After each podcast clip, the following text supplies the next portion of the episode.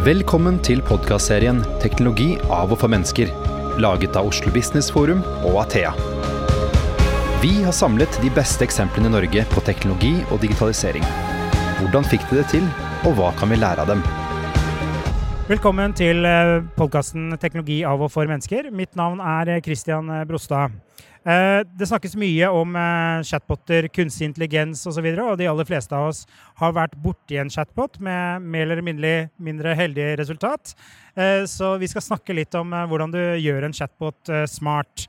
Og med oss til å snakke om det er Øyvind Sund, som er bid manager i Kindly. Og Kindly, Øyvind, ja. hvem er dere? Jeg må bare rette litt der. Det er kindly. Kindly, ja, herregud. Vi er, vi er, så snille. Vi er kind, ikke sant? jeg tenkte på Kindle, antakeligvis. Ja, Kindle. Ja. Det er også et veldig fint produkt. Ja. ja. Men jeg kan jo, jeg kan si litt om uh, Kindly. Vi skifta forresten nylig navn fra Convertelligence, som var litt mer kronglete å si. Men produktet vårt har alltid hett Kindly, så vi tenkte bare, hvorfor ikke bare ta det navnet også? Som Spotify, der produktet og selskapet er samme. Men jo, vi vi, er grunnlagt i 2016 av våre to kjære gründere, eh, Jon Antonio og Arash. Og de satt en god stund eh, på Startup Lab, eh, forskningsparken, like ved Blindern i Oslo. Og der satt de og pønska ut hvordan produktet skulle, skulle bli så bra som mulig. Så fikk vi et par ansatte etter hvert. Og da jeg starta i 2017, så var vi blitt fem ansatte. Satt på et lite rom på Startup Lab. Så plutselig begynte vi bare å bli flere og flere. Og um, nå har vi vel rundt 40 ansatte. Pluss uh, selvfølgelig flytta ut av det lille kottet på Startup Lab i mellomtida. og, og, vi leverer da chatbots. Uh, vi, starta, vi leverte først en uh, chatboten som DNB har på Messenger, Facebook Messenger.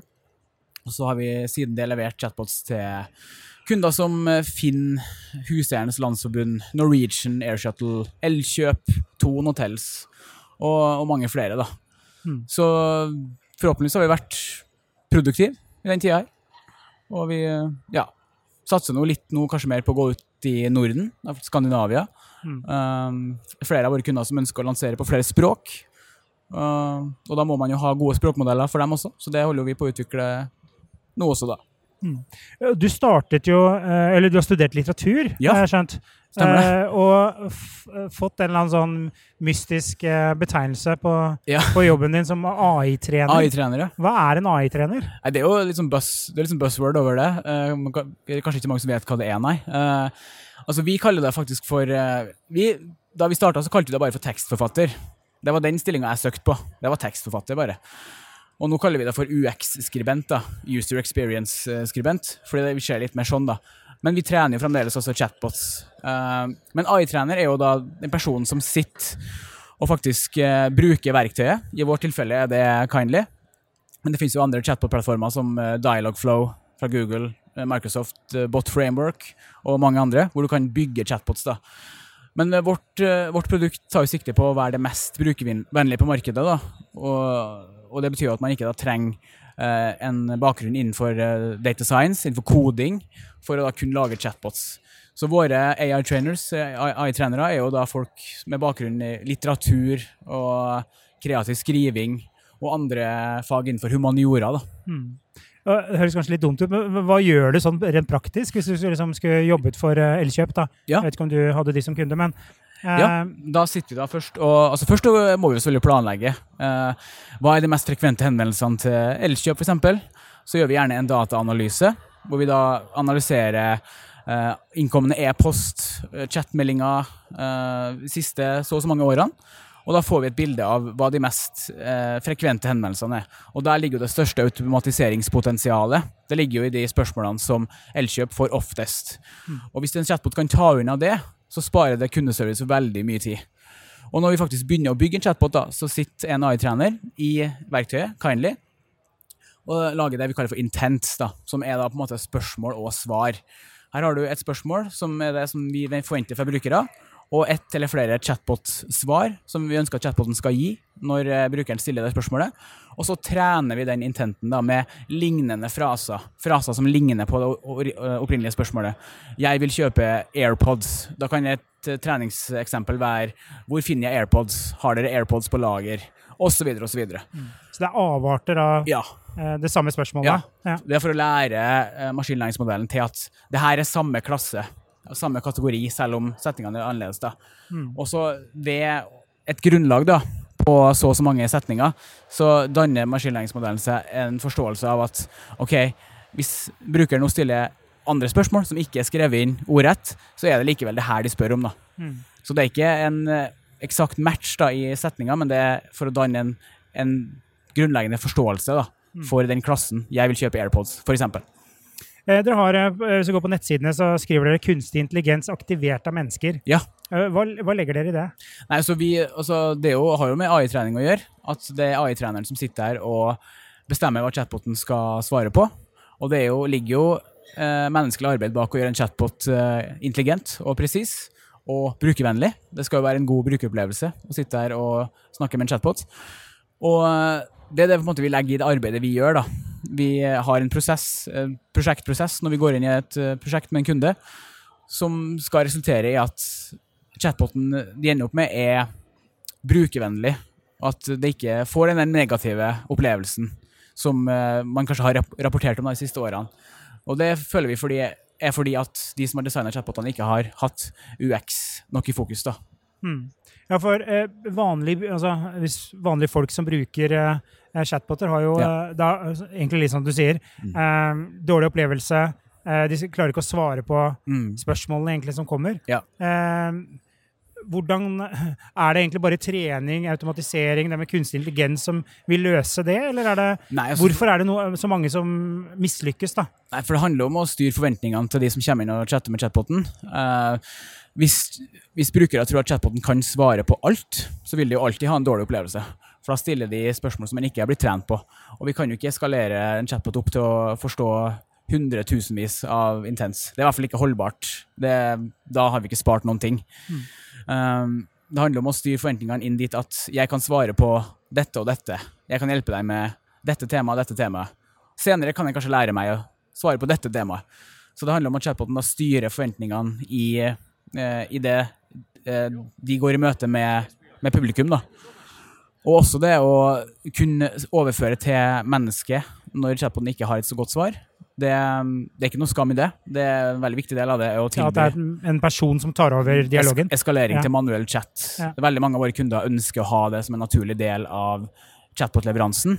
At de har muligheten til å sitte enten i sitt eget verktøy, om det er puzzle, Sendesk, hva de ønsker seg, Eh, eller at de sitter bare i Kindly og behandler tickets da, fra kunder der. Akkurat som i et vanlig kundebehandlingssystem. da.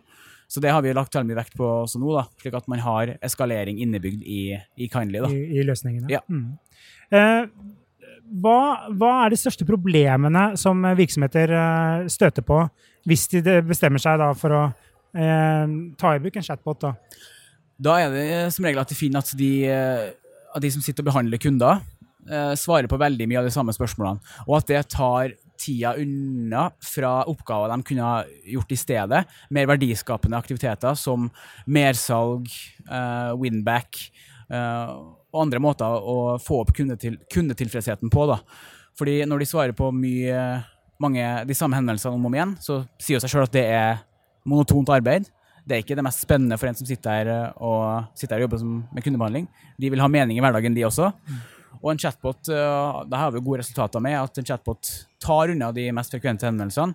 slik at når de da får henvendelser på kundeservice, så er det de mer prekære, eh, komplekse henvendelsene som man uansett trenger mennesker for å behandle. Og da får også kundebehandler mer mening i hverdagen. da. Mm. Så det, det, er som regel hvor det, hvor det er potensialet for å automatisere Uh, så man gjør det av interne behov mer enn av kundebehov? Ja, da. man tenker jo også at uh, tilgjengelighet er også en årsak til at mange har kommet til oss. At mm. de ønsker å være tilgjengelig døgnet rundt. Det kan man jo ikke når man har et kundesenter. Da må jo de som jobber der, faktisk de må jo sove. Ja, ja. Og å være tilgjengelig 24-7 begynner jo å bli mer og mer altså i hvert fall veldig trendy da, å kunne være tilgjengelig hele døgnet. Og en chatbot uh, uh, sørger jo for det, ved at du da får hjelp til å lure på uh, døgnet rundt. Kan, hvis du ikke får svar, så kan du heller sende en ticket inn som kundebehandler besvarer neste, neste dag igjen. da. Hvis det, ikke har vært, hvis det er et spørsmål som du ikke har klart å svare på. Mm. Så det er tilgjengelighet, synlighet, og chatbot kan også brukes til mer enn å svare på spørsmål. Den kan også brukes til å uh, tilby varer, produkter, uh, og synliggjøre tilbud osv. Så, videre. så salg, altså direkte salg, produktsalg, er også noe vi jobber med akkurat nå. da, mm. Mot netthandel og varehandel. Mm.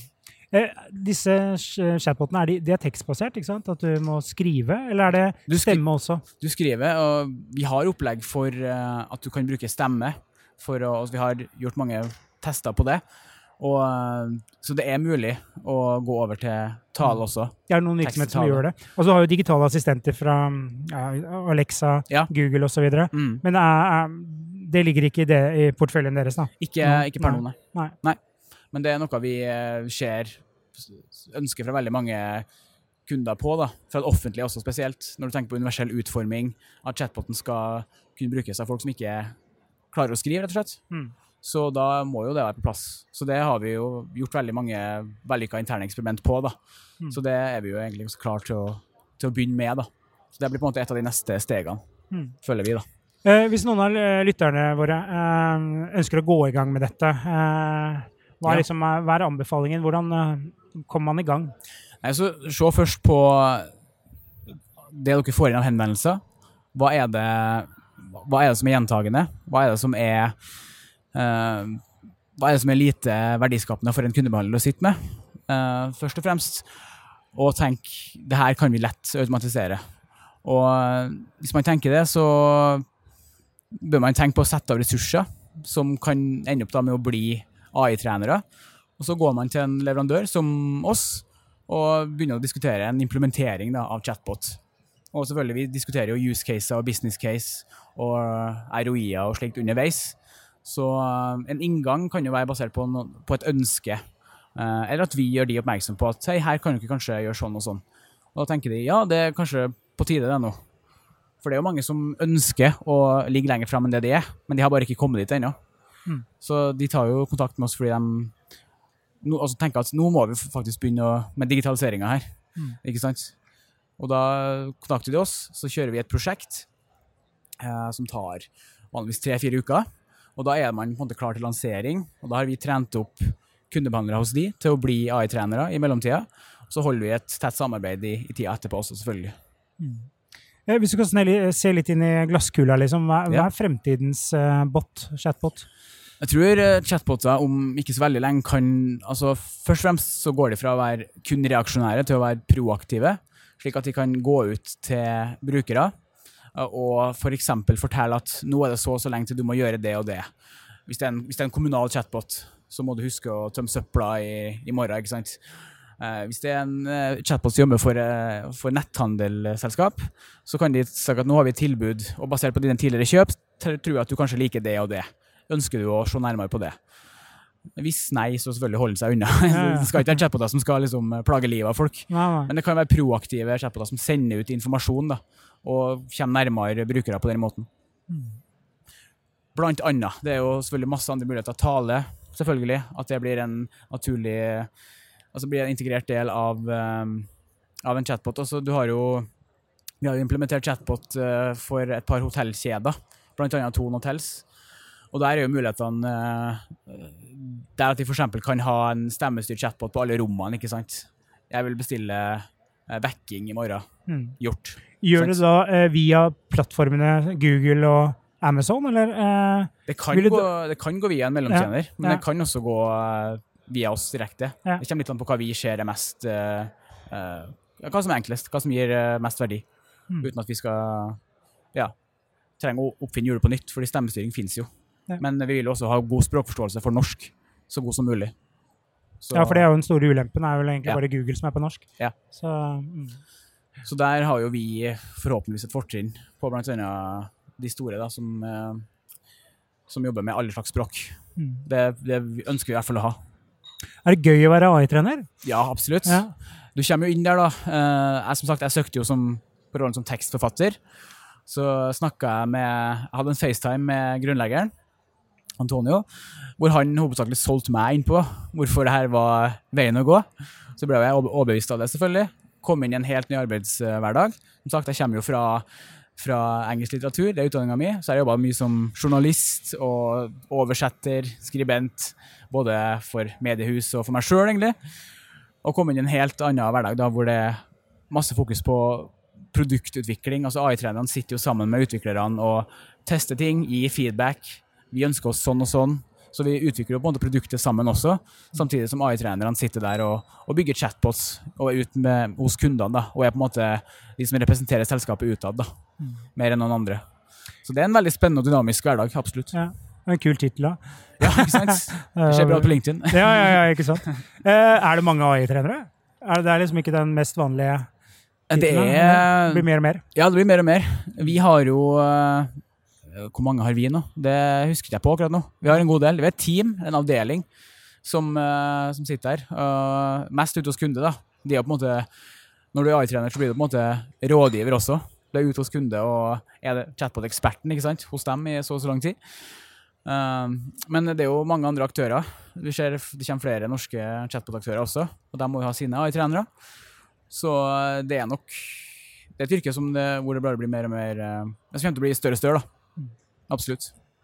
Bra, Øyvind. Tusen takk. Det er bare eh, hyggelig. Det er faktisk første gang jeg har møtt en AI-trener, tror jeg. Ja, det... Så det var jo på tide. Håper du møter han igjen. Ja, ikke sant. Og tusen takk til deg som lyttet på. Du har nå lyttet til podkasten 'Teknologi av og for mennesker', laget av Athea og Oslo Business Forum. Dette var siste episode i sesong to, men vi vil være tilbake om noen få uker med ny sesong. Følg oss i sosiale medier og på nettsiden vår athea.no. slash podcast. Tusen takk til alle dere som følger oss hver uke. Vi setter stor pris på alle tilbakemeldingene. Det gjør at vi kan gjøre podkasten bedre, så fortsett med det. Vi høres om noen uker.